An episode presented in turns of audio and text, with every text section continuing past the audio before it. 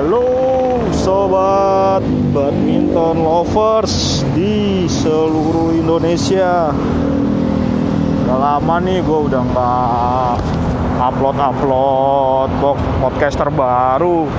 Kali ini gue ngepodcast di Bacot Badminton. Lupa, lupa lagi nyebutin kan? Kembali bersama gue di Bacot Badminton sekarang gue bakal bikin podcastnya sambil jalan ke stasiun. Karena di weekend sibuk banget. Terus sekarang lagi pakai masker juga jadi mungkin suaranya agak kependem dan agak berisik ya nggak apa-apa lah ya. Daripada nggak sempet sama sekali gitu. Nah jadi kira-kira sekarang apa yang bakal gue bahas? Gue akan membahas tentang All England. Gue nggak membahas secara detail All England tahun ini yang diwarnai dengan virus corona sih ya tapi gue akan membahas secara sejarahnya. Kenapa sih All England ini menjadi salah satu turnamen yang paling uh, prestisius gitu? Padahal levelnya misalnya sama-sama seribu kayak Indonesia Open kayak China Open. Tapi kenapa All England memiliki tempat tersendiri? Gue akan menjelaskannya. Karena pertama All England adalah turnamen bulu tangkis tertua. Seperti ada sebuah uh, perdebatan. Kayak bulu tangkis itu ditemukan pertama kali di mana ayo? Kayak ada yang tahu nggak? Uh, ada yang menyebutkan kalau bulu tangkis itu ditemukan di Inggris karena turnamennya ada pertama kali di Inggris.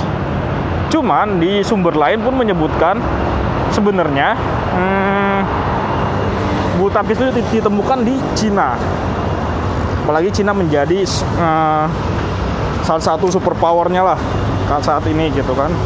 Cuman ya kita nggak tahu lah itu intinya.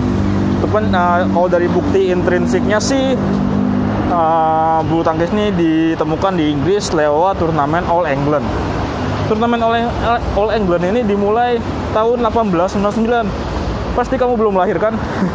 Ayo siapa yang udah lahir? Kalau kamu udah lahir tanggal segitu dan masih hidup sekarang takut juga gua. Ya kan? Agak shock juga iya jadi di tahun 1899 ada All England yang pertama. Terus siapa aja yang main saat itu? Saat itu sih kalau All England yang pertama ini wow berisik sekali itu motor ya. All England yang pertama ini yang main rata-rata pemain Inggris. Jadi yang menang pun orang Inggris semua. Nggak ada orang Asia nggak ada orang Eropa Asia lagi dijajah waktu itu mungkin ya. Indonesia masih dijajah juga waktu itu. Jadi Indonesia belum ada. Nah uh, fakta lainnya adalah orang non Inggris pertama yang menjuarai All England itu adalah Swiss. Swiss itu juara kalau nggak salah di tahun 19 berapa gue agak lupa. Cuman dia yang menjadi pertama.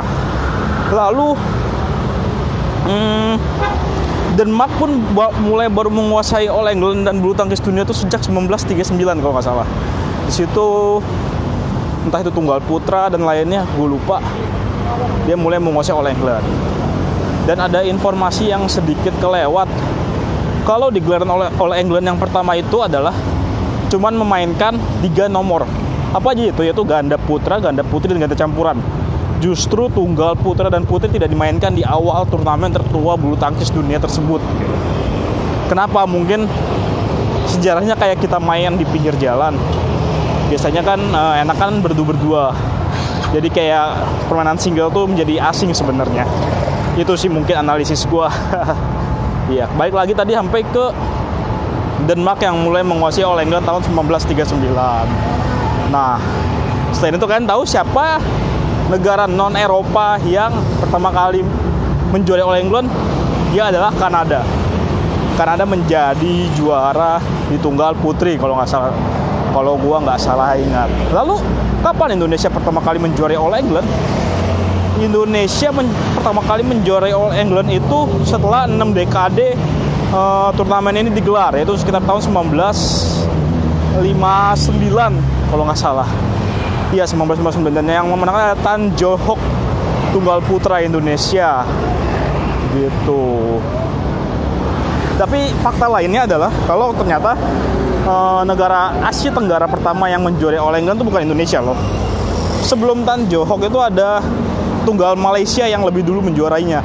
Cuman tahunnya gue agak lupa sekitar 19 46 47 gue agak lupa juga.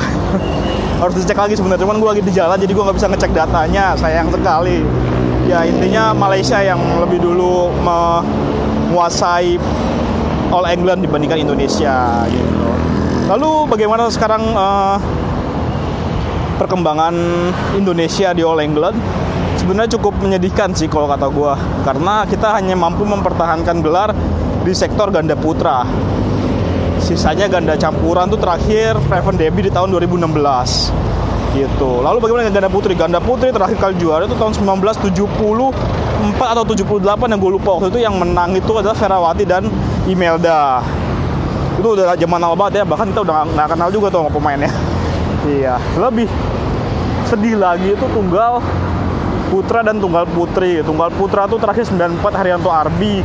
Tunggal putri itu terakhir Susi Susanti tahun 94 ya itu jauh banget kan bahkan Taufik Hidayat pun yang nggak pernah mendapatkan All England siapa lagi tunggal putri yang oke okay. Miaudina pindah keluarga negaraan jadi Belanda kan kawin sama orang Belanda siapa lagi ya nggak ada nah gitu lalu bagaimana dengan All England 2020 wah di All England 2020 target PBSI cuma satu yaitu satu gelar yang mungkin diraih oleh ganda putra yang masih diandalkan sampai saat ini.